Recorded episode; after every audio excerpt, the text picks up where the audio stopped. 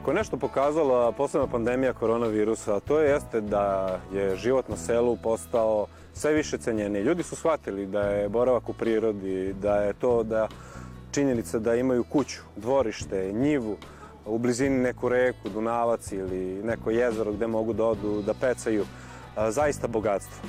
Ekipa povratka na selo je došla u Kovilj, gde je samo na 20 km od Novog Sada postoji jedno prelepo mesto gde ljudi dolaze iz Beograda, Novog Sada i mnogih drugih gradova da pecaju, da se odmore, da borave u prirodi.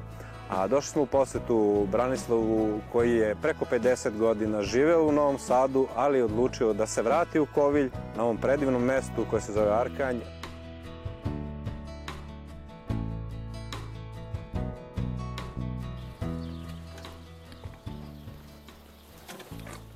E, dobar dan, Branislave. Dobar dan. Dobro došli. Hvala vam, bolje vas našao. Evo, došli smo malo kod vas u Kovilj. Ja sam već rekao da ste dugo godina živjeli u Novom Sadu, ali ispričajte me vi. 50 godina 50, u Novom Sadu, tako? Ravno 50 godina. Rođen sam u Novom Sadu na Salajci. Tamo sam išao u osnovnu školu, na zanat završio, završio zanat, zaposlio se, radio kao vodoinstalater, radio kao vatrogasac, posle na Spensu imao privatnu ključarsku radnju i na kraju sam u penziju otišao kao vozač u nacionalnoj službi za zapošljavanje. Tako da sam dočekao da idem u penziju i da se preselim ovde u Kovilj. Bogata životna karijera. Uh, otkud baš Kovilj? A, ovde je otac, je tako, imao kuću, pa ste Jest. vi to posle zidali? Ovde je otac imao jedan kućerak, on je kupio ovaj, ovaj plac bez ičega i on je ovaj, napravio tu jedan kućerak, onda sam ja napravio tu kuću sticajem okolnosti, to je trebalo biti vikendica, ali pošto je ovde u ovoj kući do mene živeo Tima Vrbaški, bivši naš gradonačelnik Novog Sada, on je meni još onda govorio da će ovom ulicom proći asfalt, da će biti tu i struje i vode i telefoni, da pravim kuću. Međutim, ja sam to tako, šta sam mogo, napravio sam i kad je došlo to sve, nažalost Čekativa je umro, ja sam onda to proširio do zido, na zidu i eto sad ja i žena tu provodimo naše, naše dane. Nismo više u Novom Sadu, već ovde u Kovilju. Bavili ste se e, svačim kao što ste već rekli, a pored toga bavili ste se i sportom. Ja bih htjela da se osvrnuo malo i na taj deo priče. Pa vidite ovako, to je više, ja sam bio dosta aktivan kad sam bio mlađi u omladini, u izviđačima, išao svugde sa, sa tim, tim sportom što sam počeo da se bavim aktivno, to je rukomet, sa sticajem okolnosti. Mi smo uvek u, u Salajci imali dobru ekipu u malom futbolu i 74. godine je napravljeno uh, igralište asfaltirano iza hemijske škole. Mi do 74. godine Salajka je bila zapuštena, to ništa nije tamo. I kad je to igralište napravljeno, oformljena je ženska rukometna ekipa koja je imala uspeha i takmičila se u drugoj saveznoj ligi. I mi smo hteli da igramo futbol i dalje, međutim oni kažu ne može ako niste registrovani. I ja onda kao predsednik omladine odem u Sovku bivšu i oni kažu ne može ne, da registrujete ekipu u malom futbolu, mora da se registruje u rukometu ekipa pa vi igrajte mali futbol. I mi smo tako registrovali, međutim, stigo nama raspored da mi idemo da igramo i rukomet. Utakmice. Utakmice, da. Pa onda da je ono, mi otišli tamo, ja kažem, čoče, pa ne znam mi da igramo rukomet. Mora, kaže, vi ste registrovani. I tako je to krenulo. Ja sam posle 25 godina bio u rukometu, vodio i žensku ekipu Slavi, i žensku ekipu Železničara, i mušku ekipu Slavi, tako da proveo sam eto vek u, u, u rukometu, što kaže. Vodio sam dve, dve godine za redom gradsku reprezentaciju u rukometu u Dortmund, to je naš bratski grad, tamo smo onda prve godine kad smo išli 2000. osvojili prvo mesto, 2001. opet prvo mesto.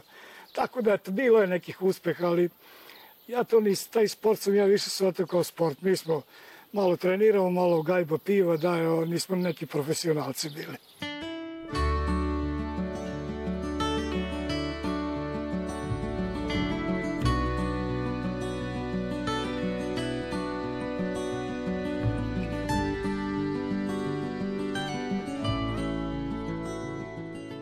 Zašto baš e, ste se odlučili da se vratite na selo? Pomenuli ste nešto zdravstvene razloge, da, kako je to sve teklo? Da, 2003. godine ja sam zatvorio ključarsku radnju, što sam imao na spesu, sticajem okolnosti i zapostavio sam se kao vozač u nacionalnoj službi. Ovozio sam direktora pokrajinske službe, jednu divnu ženu Miru Šećerov i posle dva meseca rada ja sam se razboleo verovatno od, od nerviranja, sekiracije, što sam morao da zatvorim radio. 11 godina sam ja radio, bila je ključanica Bunjana Spensa. Dobio sam pankreatit, jedna teška bolest e, koja, od koje se umire. Recimo, od te bolesti je umro onaj odbojkaš Petrović, koji je bio ljudina, bio ljudeskara, ali eto nije, nije mogao da preživi. Mene je spasao doktor Cvijanović koji me operisao i ja sam bio kod, njega tri i po meseca u bolnici. I kod njega i kod Zoričića i tu je bilo, imao sam, imao sam sreće da jedan moj drug uh, njih sve poznavao i on me je tamo našao veze i vezice i oni su mene spasli, mada su mi prognozirali nema još mesec dana i gotovo, međutim izvuko, izvuko sam se i tako da onda kad sam, dok sam ja bio u bolnici, Cvijanović je rekao moje ženi da bi bilo dobro sada da se negde skloni iz grada, njemu treba mir, njemu treba ovo, a mi smo imali ovo napravljeno, ali nije bilo sve završeno. Kao i sad još nije završeno. I moja žena, dok sam ja bio u bolnici, tu majstor za parket, majstor za pločice, trte vrte, i kad sam ja izašao iz bolnice, ona kaže mi idemo u Kovilj. Pa ja kažem šta ću koji? Tamo se selimo. Umeđu vremenu se ovaj sin oženio i nema mesta za mene više u Salajci. Tako ja, se namećilo Da, šta, šta ću ja, ja ovaj, morao sam bio bolestan, šta nema da se buniš, ne, ne može. Jer kod vas sad situacija često ima prilike da čujemo od ljudi koji su otišli na selu, da kad su živjeli u gradu, kaže, pio sam punu šaku lekova. Tako sad je. kad sam otišao, kaže, pijem po ne, po jedan, a nekad i to zamorim, pa mi nije ništa. Ne, vidite, meni je ovde, ovde, kako da vam kažem, ja, ja ovde sad živim, o, ovo je za mene Salajka, kao što je nekad bila. Tako je bilo nekad na Salajci, Salajka je selo u gradu. On je deo, deo grada, tu sam, e sad se tamo ruše kuće, pa se prave zgrade i šta ja znam. A dok sam ja živio na Salajci, tamo su bile prašnjeve ulice. Pa bilo blato kad kiša padne. Pa mi smo dobili, eto rekao sam malo pre, 74. godine smo dobili prvo asfaltirano igralište. Što, što su već svi imali u gradu, počele već hale da se prave po drugim delovima grada, kod nas nije, nije moglo.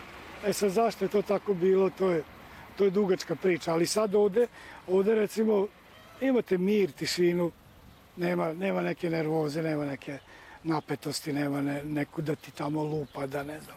Ovaj kaže nemoj to, ne, ove, tu nam je Arkan, tu nam je manastir, tu su nam, imamo dve, ovo je jedno od redkih sela koje ima dve pravoslavne crkve.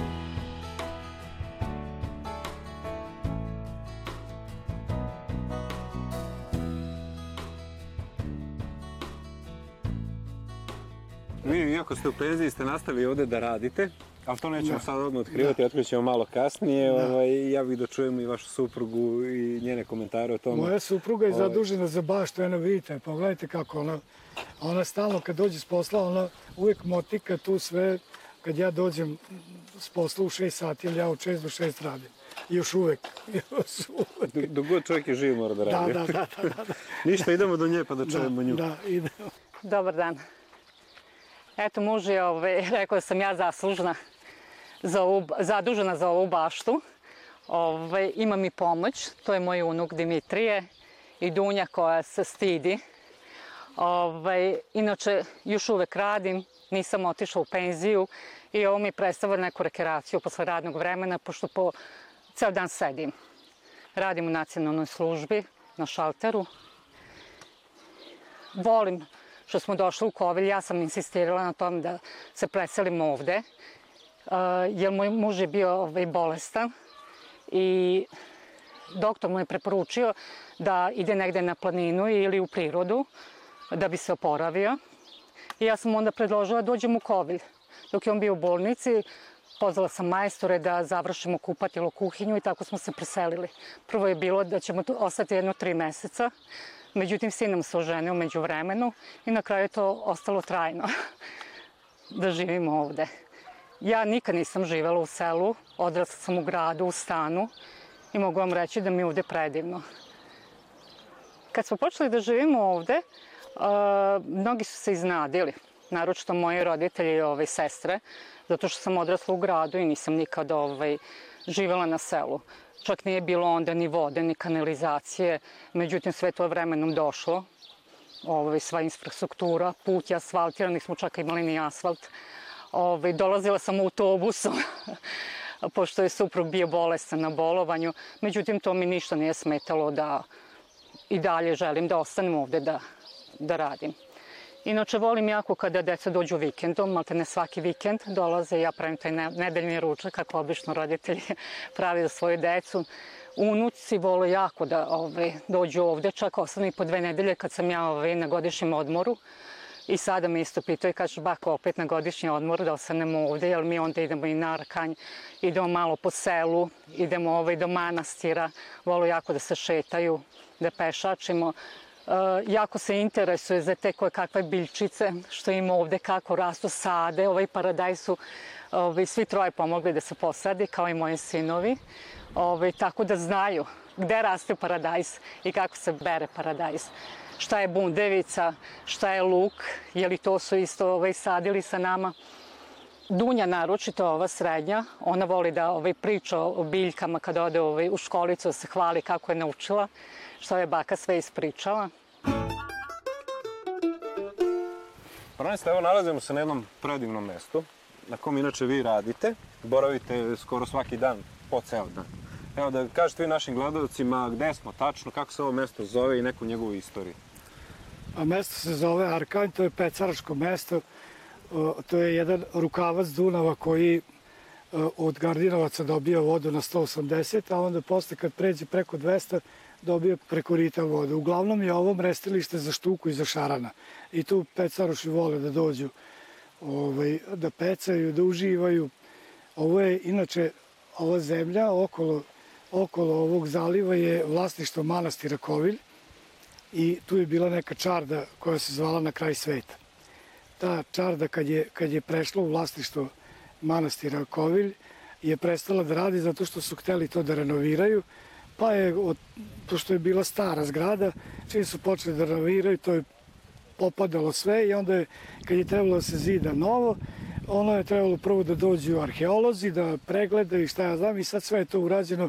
Vladika Porfir je tu odradio velik deo posla sa svojim monaštvom i evo sad kao što vidite u pozadini imamo novu čardu koja funkcioniše i radi, koju ljudi posećuju, ima dosta posetilaca subotom i nedeljom pogotovo Tako da, evo, imamo tu sad i konjiće, male poni konje, imamo magarce, imamo ovce, sve, sve ima za, za uživanje.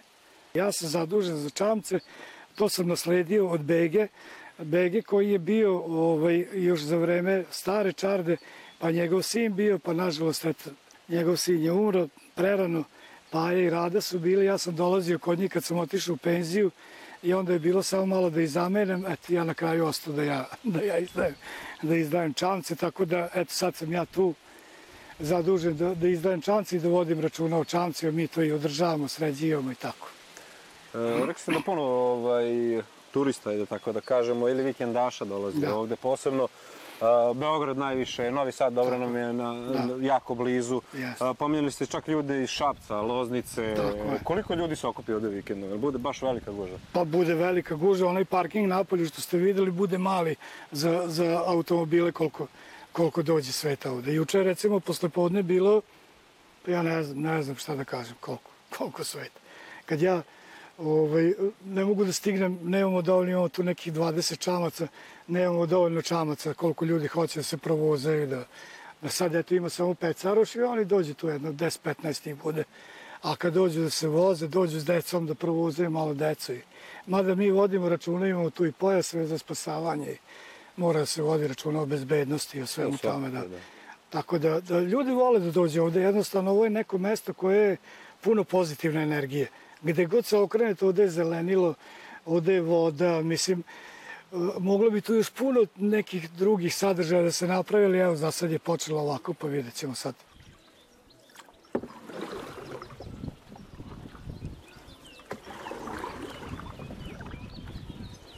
Sad vidite sa vode ovako kako najlepši pogled je ovaj i na čardu i na ovaj ceo deo. Malo sad danas kvari vetar, ali ovaj, uglavnom ovo je, kako bi rekao, park prirode i tu ljudi kad dođe, oni, oni uživaju u, u pecanju, uživaju u, u, u, nije ni bitno ni šta upeca, bitno je da dođe malo da izluftira, izluftira mozak. Evo recimo ovi, ovo su dva brata pecaraš, jedan dođe iz Beograda, jedan iz Novog Sada. Oni su ovaj, svake nedelje tu. Svake nedelje oni dođu i oni, ja kad pitam šta ste upecali, ma nije uopšte bitno, kaže, nama je bilo lepo ovde. Tako da, da ovaj, to je, a eto i moj unuk, ja nisam neki pecaraš, ali moj unuk on voli da peca, on, on stalo deda, deda, da, jel deda, nije pecaraš i onda on kad dođe, on onda mene spopada, ja moram da mu spremim crve, gliste. Ne, nije tačno. Deda je zadužen za veslanje, Da, da, a da. Dimitrije je za pecanje, Ne, da, tako? jeste. Dimitrije, ali deliš ulov sa dedom, što upecaš? To, Dimitrije peca za mačku. Videli ste, tamo imamo mačku, ima mačiće i onda u njoj napeca sveže ribice da mačka jede zdravu hranu, da bi, eto sad imamo i male mačiće i nije još, pa da, nije još do, do, do, dostigo da upeca nešto da, da pečemo.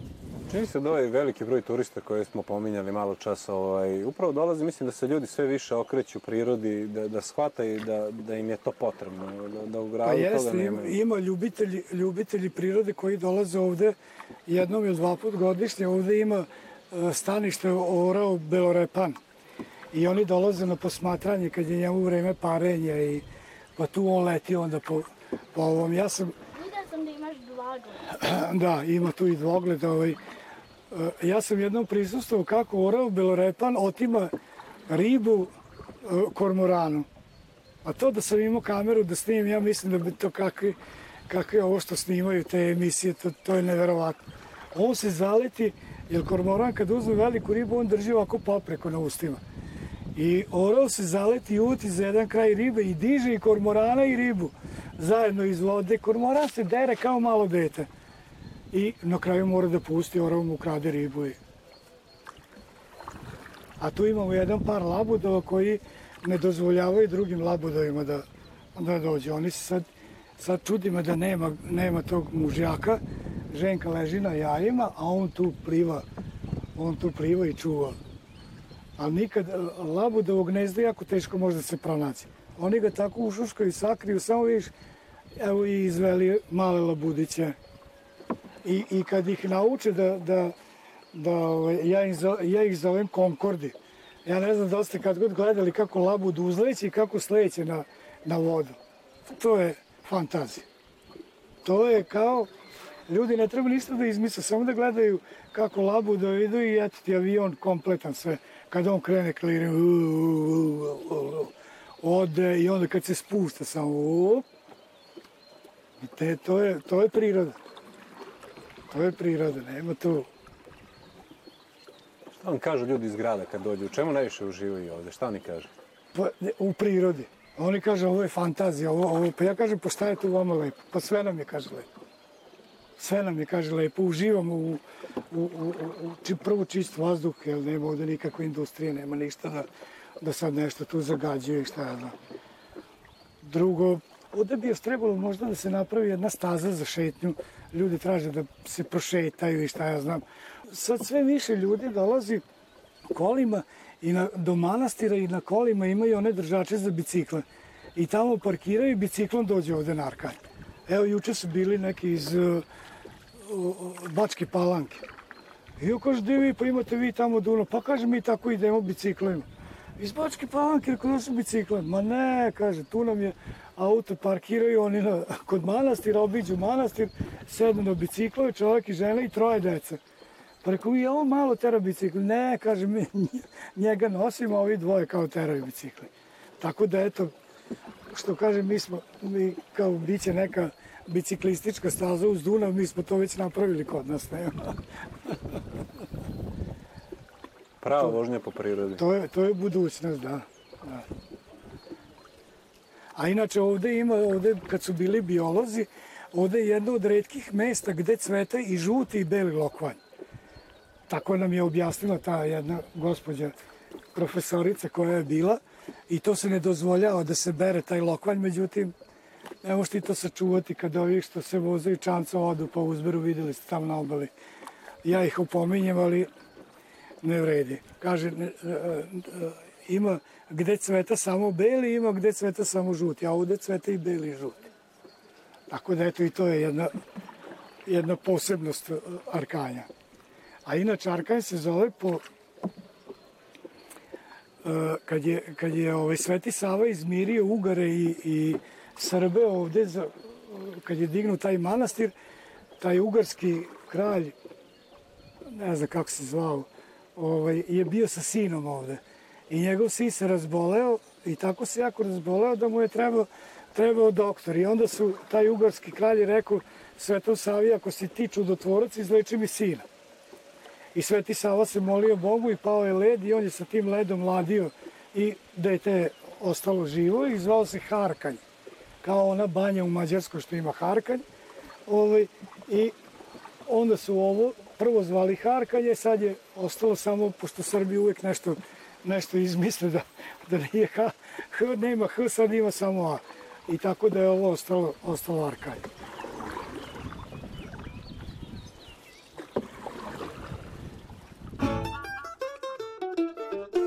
Posle 16 godina kako smo se doselili ovde, ja sam jako zadovoljna s ovim životom na selu i ne bi ga menjala ni za šta. E, naša neka prvobitna ideja kada smo ovaj, počeli ovde da gradimo kuću, da pravi, bilo da za starost možda jednog dana i prodamo i kupimo neki stan. Međutim, ja nikad ne bi otišla iz Kovilja. Meni se ovde stvarno jako sviđa i jedva čekam da odem u penziju da bi uživala u potpunosti.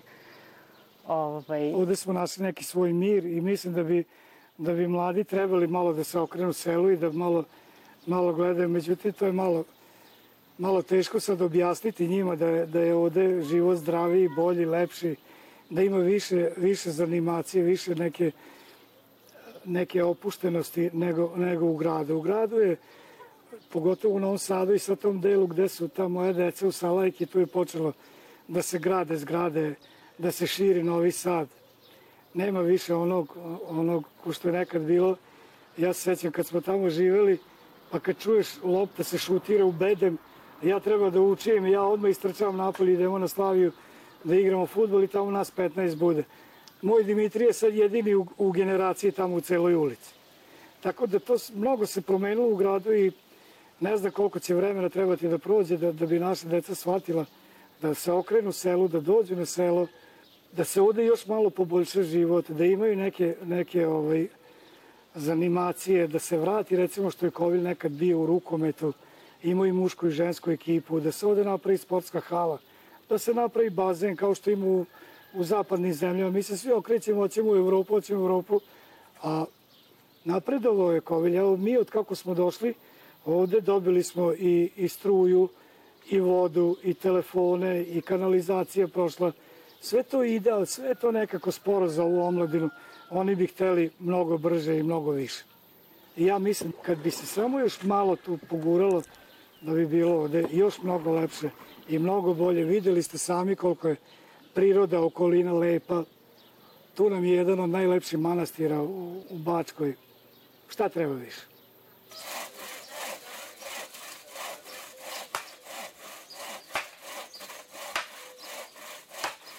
Mi kući nemamo dvorište, pa ovde volim da se igram, pošto uvek, uglavnom budem na polju i igram se.